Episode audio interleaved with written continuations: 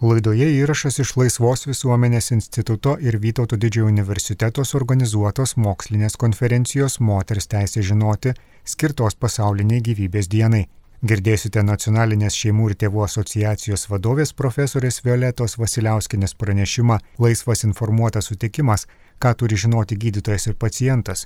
Ir Vytauto didžiojo universiteto katalikų teologijos fakulteto profesorės Birutės Obelianinės pranešimą medikamentinis abortas - nuslėpta tiesa norėčiau pasidalinti e, tuo, kas yra laisvas e, informuotas e, sutikimas, kokie svarbus yra jo aspektai ir ką tai reikštų medicamentinio aborto atveju. Taigi, kaip teisininkė, pirmiausia, pradėsiu nuo mūsų konstitucijos, pagrindinio mūsų valstybės dokumento, kuriame numatomos nuostatos ir dėl medicininių ir mokslinių tyrimų Lietuvos Respublikos konstitucijos 18 straipsnėje nustatoma, kad žmogaus teisės ir laisvės yra prigimtinės, e, o 21 straipsnėje įtvirtinant žmogaus ir asmens, e, asmens ir jo orumo neliečiamumą, taip pat įtvirtinama ir tai, kad su žmogumi be jo žinios ar laisvo sutikimo negali būti atliekami moksliniai ar medicinos bandymai. Taip pat laisvo informuoto sutikimo pagrindimas randamas ir 22 straipsnėje, kur jis nurodo, kad žmogaus privatus gyvenimas yra neliečiamas. Atkreipti reiktų dėmesį, kad žmogaus orumo principas yra vienas iš svarbiausių principų sveikatos priežiūros srityje ir jis atkeliamas čia iš žmogaus teisų apsaugos srities. Visos pagrindinės žmogaus teisų deklaracijos, konvencijos įtvirtina ir remiasi šiuo principu kaip pagrindinę koncepciją.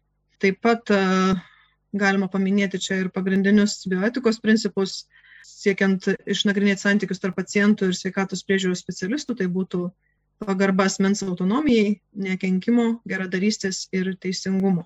Kur mes dar rasime šitas e, nuostatas dėl asmens sutikimo, tai tarptautinėme dokumente Konvencija dėl žmogaus teisų ir orumo apsaugos biologijos ir medicinos taikymo srityje kuri nustato, kad kiekviena intervencija gali būti atliekama tik gavus atitinkamos mens laisvę duotą ir informatumu grįstą sutikimą.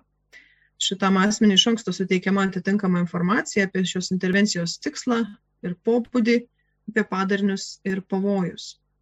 Ir asmuo gali atšaukti savo sutikimą. Taip pat Lietuvos Respublikos teisės aktuose turime e, civilinį kodeksą, kuris netgi keliuose straipsniuose pakartoja šitą principą. Antros knygos 25 straipsnis teisė į kūno neliečiamumą ir ventisumą, kuris nustato, kad e, fizinis asmuo yra neliečiamas be jo sutikimo ar be jo atstovo pagal įstatymą, kai kuriais atvejais sutikimo, negali būti atliekami e, nei bandymai, nei intervencija į žmogaus kūną, pašalinti kūno dalis ar organus sutikimas chirurginiai operacijai turi būti išreikštas raštu. Dar detaliau šitas nuostatas įtvirtina kodekso šeštosios knygos 727 straipsnis, kuris nustato asmens sveikatos priežiūros paslaugų teikėjo pareigas. Jau čia mes matom detaliau išvardintus punktus, ką turėtų informuoti medicinos paslaugų teikėjas, tai yra apie jo sveikatos būklę, lygos diagnozę, galimus gydimo būdus, gydimo prognozę bei kitas aplinkybės, kurios gali turėti įtakos paciento apsisprendimui sutikti ar atsisakyti siūlomo gydimo. Taip pat e, šitam kontekste svarbus ir 15 straipsnis įstatymė pacientų teisų ir žalos sveikatai atlyginimo įstatymė, kuris irgi nustato, kad e, medicininės intervencijos atliekamos tik e, paciento sutikimu ir jau čia numatomos e, sąlygos, kad šis sutikimas būtų laikomas pagrystas informacija ir tinkamas. Tai yra pirmiausiai įsiduotas asmens galinčio tinkamai išreikšti savo valią, e, duotas gavus pakankamą ir aiškę informaciją. Trečia, jis yra duotas paciento ar jo atstovo laisva valia. Ir ketvirta, atitinka teisės aktų nustatytus formos reikalavimus. Na ir šito straipsnio penktoje dalyje yra numatoma tokia prezumcija, kad jeigu pacientas pasirašo sveikatos apsaugos ministro patvirtintų reikalavimus atitinkančios formos sutikimą, reiškia, kad pacientas gavo tinkamą informaciją. Na ir užbaigiant dėl formos reikalavimų, yra specialus sveikatos apsaugos ministro įsakymas dėl sutikimo dėl sveikatos priežiūros paslaugų teikimo formos reikalavimo aprašo patvirtinimo, kiek mūsų temai svarbu šito dokumento reikalavimai numato, kad sutikime dėl chirurginės operacijos, invazinės ar intervencinės procedūros atlikimo turi būti aiškiai nurodyta chirurginės operacijos, invazinės ar intervencinės procedūros pavadinimas, aiškus aprašymas, pobūdis tikslai, taip pat kiek gali procedūros metu keisti šitos intervencijos sąlygas, jeigu negalima gauti tuo metu sutikimo, taip pat paaiškinti alternatyvus diagnostikos ir gydimo metodai, diagnostikos ir gydimo metodų ypatumai, rizikos ir kitos svarbios aplinkybės. Ir svarbu irgi, kad turi būti nurodomos galimos komplikacijos, ypač kurios yra žinomos ir dažnai pasitaikančios, ar retai pasitaikančios, ar konkrečiai tam asmeniui įvertinus jo sveikatos būklę. Taigi, ką, ką mes galime pasakyti, matom čia tuos teisės aktų reikalavimus, kaip teisės teorijoje, kaip yra aiškinamas, kas yra informuotas sutikimas. Taigi, iš tų teisės aktų galime išvesti ir daryti na, tokias išvadas, kad informuotas sutikimas susideda iš tokių pagrindinių elementų. Tai būtų informavimas, supratimas, savanoriškumas, kompetitingumas ir sutikimas. Paukštytė, Irina Paukštytė duodama sako, kad pagrindinis informuoto sutikimo teiginys yra formuluojamas taip, kad asmuo duoda informuotą sutikimą intervencijai tada ir tik tada, kai jis gauna išsame informaciją apie procedūrą, supranta pateiktą informaciją, savanoriškai priima sprendimą, bet tai bei yra tam kompetitingas. Iš tikrųjų, polinkis, aišku, yra traktuoti šitą sutikimo reikalavimą tik tais formos pasirašymo prasme, tačiau norėčiau toliau irgi kalbėdama atskleisti, kaip plačiau suprantamas šitas sutikimas. Išskyrus įstatymę numatytas išimtis, bet koks gydimas ar bet kokia intervencija į asmens kūną negali būti atliekama prieš paciento ar jo atstovo valią. Ir gydimas be paciento sutikimo yra neteisėtas veiksmas, kuris sukelia teisinę atsakomybę. Šitas reikalavimas grindžiamas tokia moralinė pareiga, kad gerbent asmens orumą, niekas negali veikti prieš jo valią. Ir šita informuoto sutikimo koncepcija yra e, grindžiama sutikimo arba atsisakymo teisė, tai yra kuri mokslinė literatūra apibrėžiama kaip pagarba asmens autonomijai. Prieš pradant gydimą, gydytojas turi ne tik teisinę, bet ir etinę pareigą gauti e, sutikimą. E, kompetitingumas asmens yra, turi tris elementus, tai yra asmuo turi būti pakankamai suaugęs ir patyręs, kad turėtų pastovius tikslus ir vertybės, kuriais vadovaudamasis priimtų sprendimus. Antra, asmuo turi sugebėti suprasti pateikiamą informaciją apie gydimą ir galimas pasiekmes. Ir trečia, turi sugebėti argumentuoti ir pagrysti savo pasirinkimą.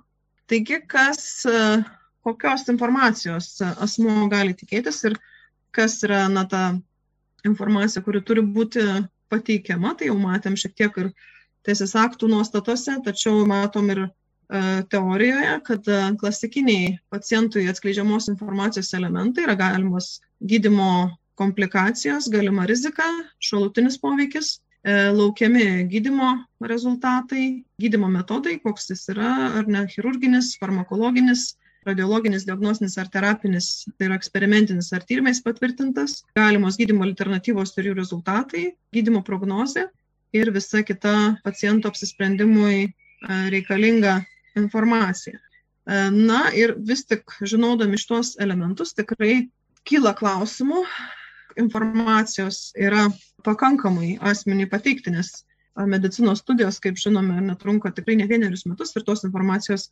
gauna, gaunama tikrai daug ir tad jeigu viską norėtumėm perteikti e, pacientui, ar ne, tai būtų tikrai neįmanoma užduotis. Taigi, JAV teismų praktikoje formulavosi toks principas, kad gydytojas turėtų atskleisti visą informaciją, kurią protingas asmuo prieš priimdamas sprendimą dėl gydimo laikytų būtina žinoti. Yra du tokie pagrindiniai standartai, tai arba protingo paciento, arba protingo gydytojo standartas. Protingo gydytojo standartas numato, kad kokia yra įprasta specialistų praktika, nustatant adekvatų informacijos atskleidimą iš gydytojo pozicijos. E, protingo paciento standartas nustato, kam, kad informacijos tinkamumo pagrindas yra tai, kas protingam pacientui būtų svarbu siekiant priimti sprendimą. Matom, tokius ir iš tikrųjų tas klausimas yra labai svarbus, nes ta informacijos apimtis yra vienas iš svarbių klausimų keliamų teismų e, praktikoje. Pacientai dažnai ginčia duotą sutikimą, siek teikdami, kad jiems nebuvo tinkamai suteikta informacija. Tai pavyzdžiui, Lietuvos aukščiausio teismo e, yra nutarčių dėl gydytojo neteisėtų veiksmų dėl to, kad jis e, asmens, kuris kreipėsi, neinformavo apie gydymo riziką su pasirinkta priemonė. Taip pat e, kitoje byloje Lietuvos aukščiausias teismas prie išvados, kad suleista per didelė vaisto injekcijos dozė karščiuojančiai pacientai buvo negalima, nes tai didino gydimo riziką, o pacientė dėl to buvo neinformuota. Kaip turėtų vykti informacijos pateikimas, nes iš tikrųjų vien, kaip minėjom, vien formos E, davimas pacientui, tai jau turėtų būti, kaip matysim, iš tikrųjų paskutinis žingsnis patvirtinantis, kad asmo buvo tinkamai informuotas. E, taikant informuotas mens sutikimo principą klinikinėje praktikoje, e, gydytojas ir pacientas pirmiausia diskusijos būdu turėtų identifikuoti problemą, kuri bus sprendžiama, sutarus dėl tikslo, pacientas ir gydytojas tada tarėsi dėl būdų tikslui pasiekti. Iš tikrųjų, vis tik tai turėtų būti dialogas, atsižvelgiant į to asmens supratimo lygiai, paaiškinti jam jo kalba, kas bus daroma. Taigi ir tas, visas šitas procesas turi, gydytojas turi įsitikinti, ar ne, kad asmuo suprato pateiktą jam informaciją. Ir kaip minėjau, paciento teisų įstatymo 15 straipsnio 5 dalis nurodo prezumciją, kad jeigu pacientas jau pasirašo sveikatos apsaugos ministro patvirtintus reikalavimus atitinkančios formos sutikimą, e, laikytina, kad pacientas buvo informuotas tinkamai.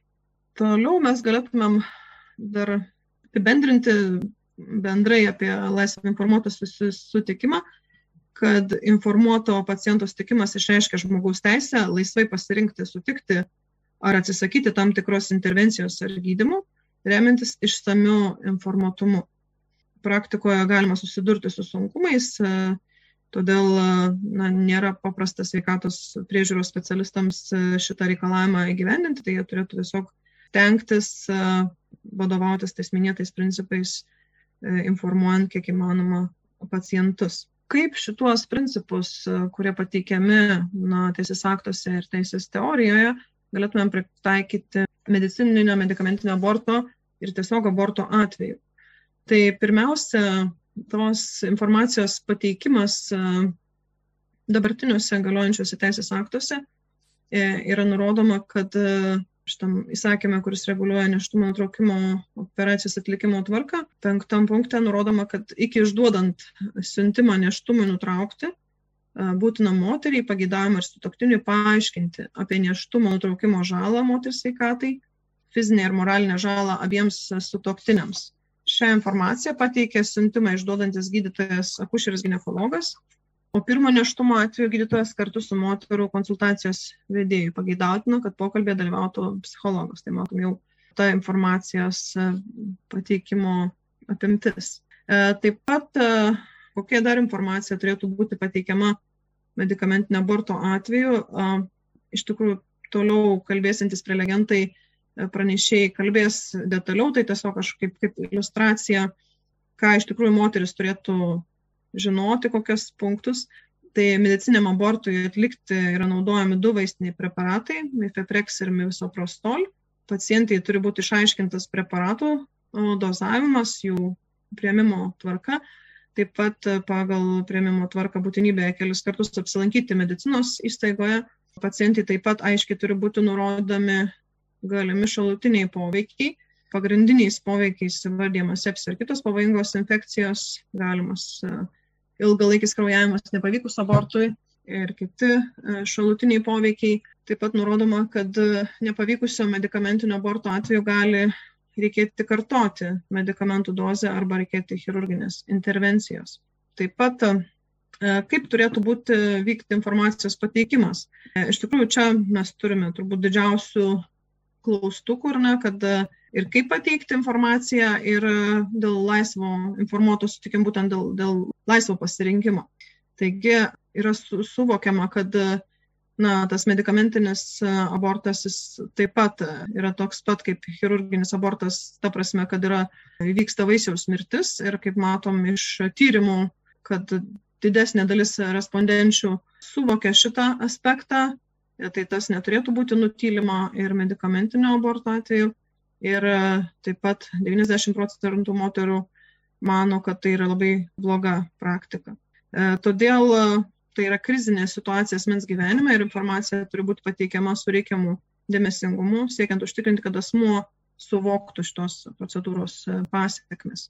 Taip pat, ką galime pasakyti apie to asmens, kuris priima informaciją būklę, iš tikrųjų dažnai asmuo atvykęs, moteris atvykusi aborto e, yra ištikta krizės, kur krizės ištiktas asmuo ne visada yra pajėgus advekvačiai vertinti susidariusią situaciją ji yra labiau pažeidžiama ir priklausoma nuo aplinkinių nuomonės, negu ta, kuri nėra patekusi tokią padėtį ir linkusi likti nuo šalyje ir leisti kitiems už juos priimti e, sprendimus. Taigi dėl laisvo, laisvo susitikimo iš tikrųjų labai dažnai dėja galime konstatuoti, kad neštumo nutraukimas ir abortas yra veikiamas būtent situacijos ne tiek pačios moters valios, kiek aplinkinių nepalaikymo. Atliktas tyrimas rodo, kad e, aplinkui esantis ypač partneris e, nutyli, nepalaiko moters, išreiškia priešiškumą negimusiam kūdikiui, e, taip pat moteris patiria psichinę prievartą ir smurtą. Ir iš tikrųjų kyla daug abejonių, ar tikrai tokiu atveju duodamas laisvas informuotas sutikimas. Tuo labiau, kad na, tyrimai rodo, tiek tarp, tarptautiniai tyrimai rodo, kad daugelį atvejų abortas yra susijęs su smurtu artimoje aplinkoje.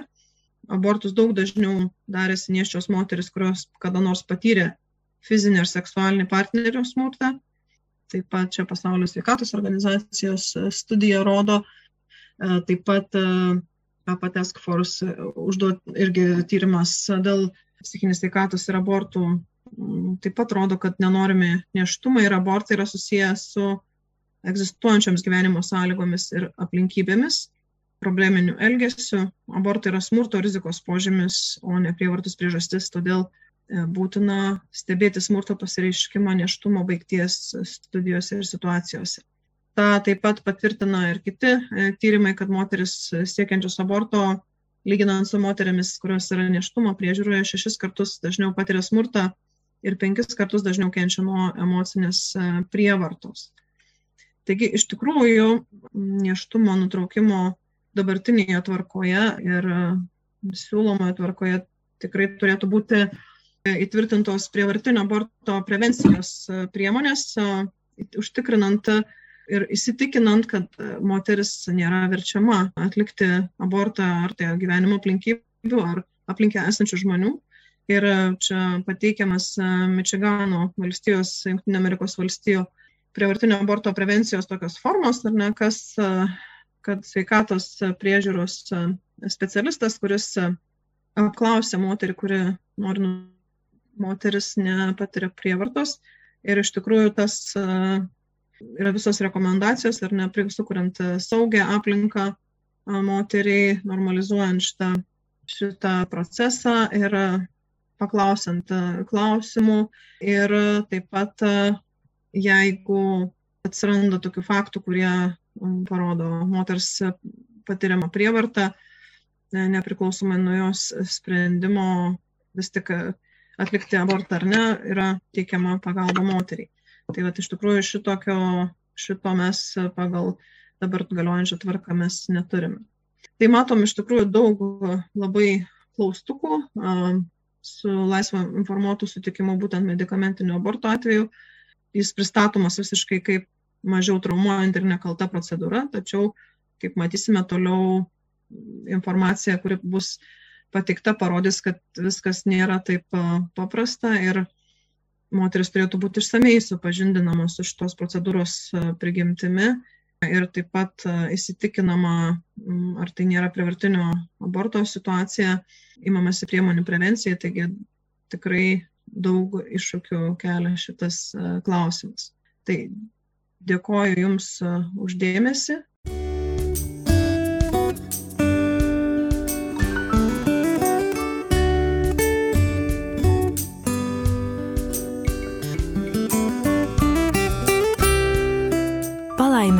Laiko su Marijos radiju. Pastebėjom tokią labai įdomią tendenciją. Kai tik pasikeičia sveikatos apsaugos ministras, nauja Seimo kadencija, taip ir iškyla problema apie medicamentinę abortą. Taigi šį kartą tai tikrai, šiais metais tai tikrai ne pirmas kartas, šį jau nebežinau net kelintas ir antra tendencija taip pat yra labai įdomi dažniausiai šita tema iškyla tada kada yra katalikams labai svarbi šventė dažniausiai prieš velykas tai yra gavėnios metu. Tai lygiai taip pat ir šiemet pasipylė iš pirmiausia spaudoj seime įvairiausios konferencijos. Tikrai labai plati diskusija vėlgi kaip ir visada ir ir pagrindinis dalykas kokios noriu atkreipti dėmesį kokios yra pristatomos medikamentinio aborto ger, gerumas, tai yra, kas, apie ką yra, apie ką yra kalbama, kodėl, jisai, kodėl, jis, kodėl jį bandoma pasiūlyti. Vienas iš tokių e, reprodukcinis streikas puslapių netgi pradėjo rinkti moterų balsus e, su reikalavimu reikalos sveikatos apsaugos ministrui Dulkiui, prezidentui, šeimos pirmininkiai reikalauju gerbiamo sveikatos ministro greičiau įteisinti medikamentinį nėštumo nutraukimą, užtikrinti šios sveikatos paslaugos pasirinkimo prieinamumą. Ir aišku, kad veikėjas yra tas pats šeimos planavimo seksualinės sveikatos asociacija. Taigi klausimas, ar tikrai mifepristonas yra išlaisvins moterį? Ar tikrai seksualinė sveikata yra tikroji moters laisvė? Ir kokia žinia perdodama dažniausiai viešojoje erdvėje? Kad medikamentinis neštumo nutraukimas yra mokslo pažanga, kad mifepristonas blokuoja progesteroną palaikančią ankstyvą nėštumo receptorius, tuomet nėštuminiai audiniai atsisluoksniuoja nuo gimdos senelės. Nėštuminiai audiniai. Niekas nekalba apie tai, kad žūsta embrionas, pradėto žmogaus gyvybė. Taip pat kalbama apie moters teises, jas nereikia auklėti, gėdinti, užtikrinti draugišką procedūrą. Taigi mokslo pažanga, moters teisės, neštuminiai audiniai. Kai neštumas nutraukiamas chirurgiškai, jeigu viskas gerai, moteris pakraujavo, kitą dieną jį palyginti normaliai jaučiasi. O tai nutraukiant neštumą medikamentinis gimdos susitraukimai didesnis kraujavimas tęsiasi parą ar dvi, o mažesnis kraujavimas, kuris įvalo gimdą, gali tęsiasi ilgiau. Taigi čia yra žinomo gydytojo pasakymas, kitaip sakant, pristatomas medikamentinis abortas kaip pasivaikščiojimas po pėdelę. Nu, truputį pakraujuosi, nu tai bet tai kas čia tokio, nu tai čia nesukelia jokių sveikatai keliančių komplikacijų. Tavo gyvenimas puslapyje, gana populiarus puslapis, kalbama, kad nuo aborto moterų miršta žymiai mažiau negu, pavyzdžiui, nuo gimdymo. Ir tose pačiose reprodukcinėme streike pristatomi medikamentinio neštumo privalumai tai yra jis yra žymiai privatumas yra didesnis. Moteris gali pati kontroliuoti nėštumą ir būti patogioj aplinkoj kada jai patinka. Skausmas visai atliekamas nejautra be anestezijos todėl komplikacijų nebus jokios gyvybės ir tai paprastai panašus į natūraliai vykstantį persirengimą ir aišku seimo narė morgana danielė pateikia kad tai yra moksliškai įrodyta. Taigi šitą moksliškai įrodyta tikrai girdim nebe pirmą kartą Ir noriu pasakyti, kas tai yra tas moksliškai įrodyta. Medicinai priimta, kad yra septyni lygmenys mokslinio įrodymo. Pirmas lygmuo tai yra metaanalizė, kada yra iš daugybės surenkamų, iš daugybės atliktų analizių surenkama tam tikras sisteminė apžvalga. Tai yra pirmas lygmuo. Antras lygmuo, kada yra parengtas labai patikimas ir gerai padarytas dizainas Tai yra labai aiškia metodologija ir metodika. Taigi noriu pristatyti tyrimą, kuris kaip tik yra antro lygmens, kuriame palygina medicamentinį abortą ir chirurginį abortą. Ir atspausdintas jisai yra Amerikos gynekologų ir akušerių kolegijos žurnale. Tirtos buvo visos Suomijos moterys, kuriuoms buvo atliktas abortas 2000-2006 metais. Tai yra visas, imtis yra absoliuti nėštumo trukmė buvo 63 dienos arba trumpesnė. Buvo stebimas iki 42 dienų po aborto naudojant nacionalinius sveikatos registrus. Palyginti nepageidaujamų neštumų dažnis ir rizikos veiksniai po medicamentinio aborto buvo ištirtos 22 368 moteris ir po chirurginio 20 251 moteris. Taigi imtis yra panaši analizuojant trijų pagrindinių komplikacijų kraujavimų infekcijos nevisiško aborto ir chirurginės pakartotinos evakuacijos riziką buvo naudojami vienkartiniai ir daugiakrypčiai asociacijų metodai Rezultatai. Komplikacijos. Bendras nepageidaujamas reiškinių dažnis po medikamentinio aborto yra 20 procentų, tai yra keturis kartus dažnesnis tai po, nei po chirurginio aborto. Kraujavimas 15 procentų moterų, po chirurginio aborto 2 procentą moterų pasireiškia. Chirurginės pagartotinės intervencijos dažnis beveik 6 procentai nuo, nuo moterų ir po abortas, po chirurginio aborto pakartotinė intervencija 2 procentai. Taigi išvada mokslininkai pateikė. Bendras nepageidaujamų reiškinių dažnis po medikamentinio aborto grupėje buvo keturis kartus didesnis palyginti su chirurginio aborto grupe. Abu abortų metodai paprastai panašus, tačiau medicininis nutraukimas yra susijęs su didesniu nepageidaujamų reiškinių dažniu. Ir šie pastebėjimai yra svarbus konsultuojant moteris. Taigi, kur sakoma, kad daugiau privatumo. Tačiau medikamentinis neštumo nutraukimas netgi remiantis preparato charakteristikos santrauka, kuris yra viešai prieinamas mifepristono, yra sakoma, kad pacientė turi būti informuota nevažiuoti toli nuo centro. 14-20 dienų laikotarpiu po mifepristono suvartojimo turi įvykti stebėjimo vizitas. Šitas stebėjimo vizitas yra trečias vizitas. Taigi, privasu, kalbant apie privatumą, kad ją reikia apsilankyti ne mažiau kaip tris kartus klinikoje, klausimas. O dar 5 procentams Penkioms moteriams iš šimto grėsia pakartotinas chirurginis abortas. Kraujavimas yra beveik nuolatinė procedūros dalis, nepriklausomai nuo to, ar vartojamas prostaglandinas, bet kokiu neštumo laikotarpiu. Ar jis paprastai yra tuo gausesnis, kuo vėlesnė yra neštumo stadija. Jis gali pasireikšti pavartojus vien mifepristoną. Gausus kraujavimas dažnai reiškia nepilną pasišalinamą, po kurio maždaug 5 procentai atveju prireikia chirurginės procedūros nuo iki nuo pusės iki vieno procento gali prireikti kraujo perpylimo. Taigi vienai moteriai iš šimto prisireiks kraujo perpylimo. Kartuoju, kad šita informacija yra pateikta viešai, jinai prieinama internete, čia yra preparato charakteristikų santrauka. Sako, kad komplikacijos yra retos ir nekelia grėsmės moters gyvybei. Joms užtenka, joms užtenka vien medicamentinio gydymo. Tame pačiame preparato charakteristikų santraukai pateiktos labai dažnios komplikacijos gimdos susitraukimai, spazmai nuo 10 iki 45 procentų kelias valandas po prostaglandino vartojimo. Klausimas, kodėl moteriams nesakoma tiesa? Kodėl pagražinama, kad tai yra pabėgiojimas kaip po pėvelę, kad tai yra visiškai privatu, kad tai yra, nu, nu biškai paskaudės ir, ir tiek žinių. Kam naudingas tiek informacija? Moteris laisva rinktis, bet jei ji informuota, ką renkasi, tačiau jei ji nežino, ką renkasi, kaip vadinasi toks pasirinkimas. Kas toliau mūsų laukia?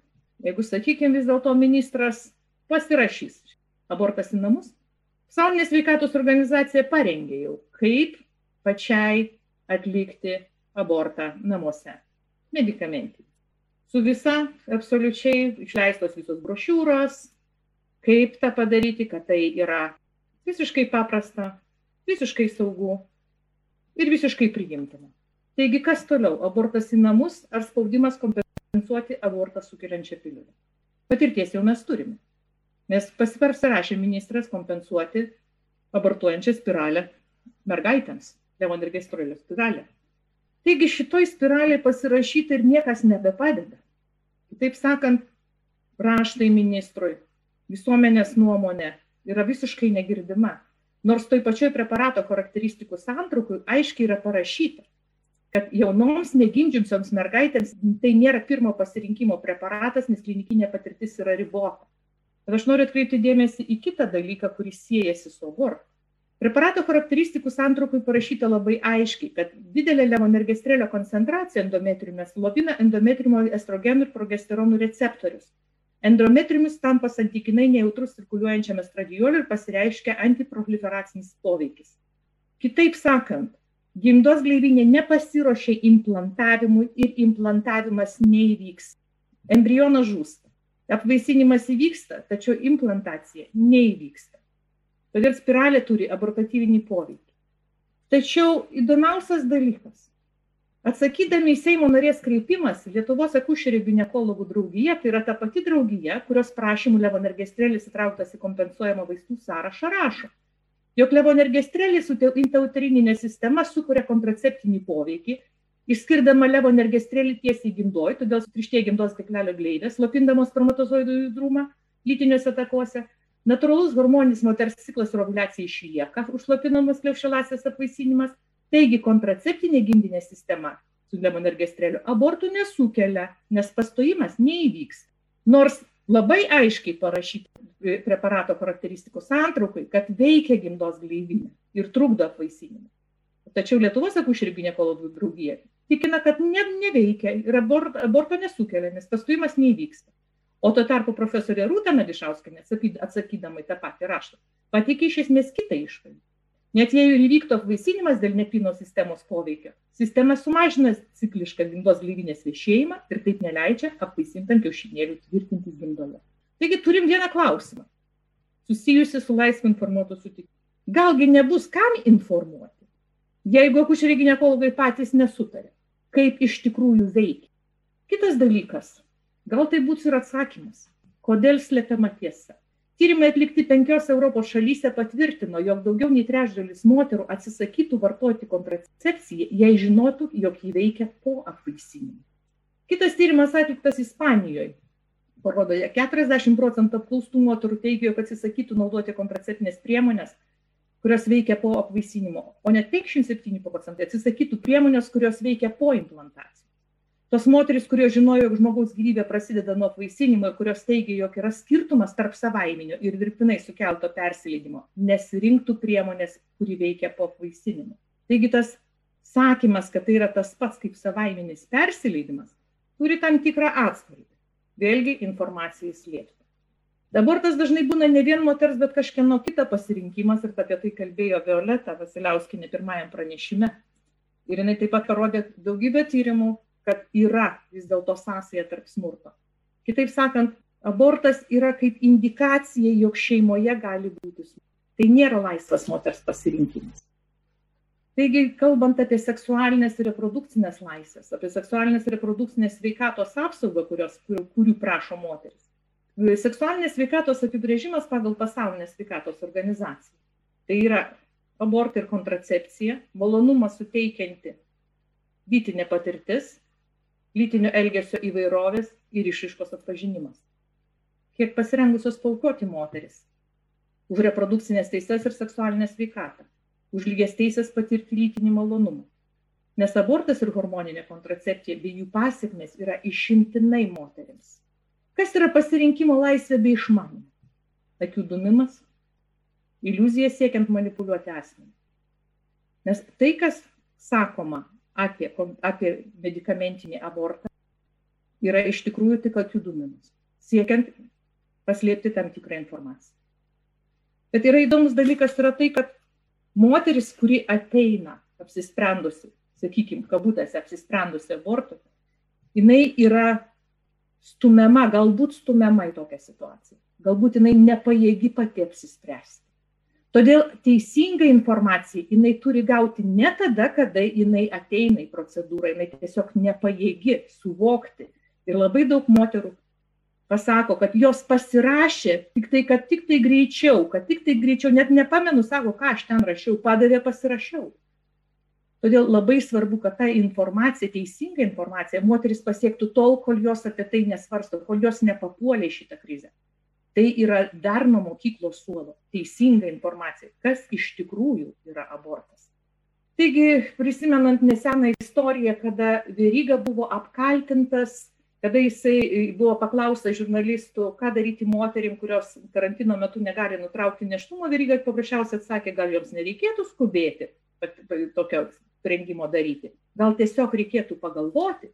Ir jisai taip pat buvo apkaltintas tuo, kad maždaug Verygo žodžiai papiktino žinomus žmonės, pasirašė peticiją, išvelgė panašumų į tarnaitės istoriją. Tačiau iš tikrųjų moters išnaudojimo ir jo seksualumo eksploatacijos istorija tęsiasi tik visiškai kitų lygmenį. Tai yra moteriai patikėjusi, jog tai jos pačios pasirinkimas ir jos pačios laisvės. Girdėjote nacionalinės šeimų ir tėvų asociacijos vadovės profesorės Violetos Vasiliauskinės pranešimą Laisvas informuotas sutikimas ką turi žinoti gydytojas ir pacientas, bei Vytauto didžiojo universiteto katalikų teologijos fakulteto profesorės Birutės Obelianinės pranešimą Medikamentinis abortas nuslėpta tiesa.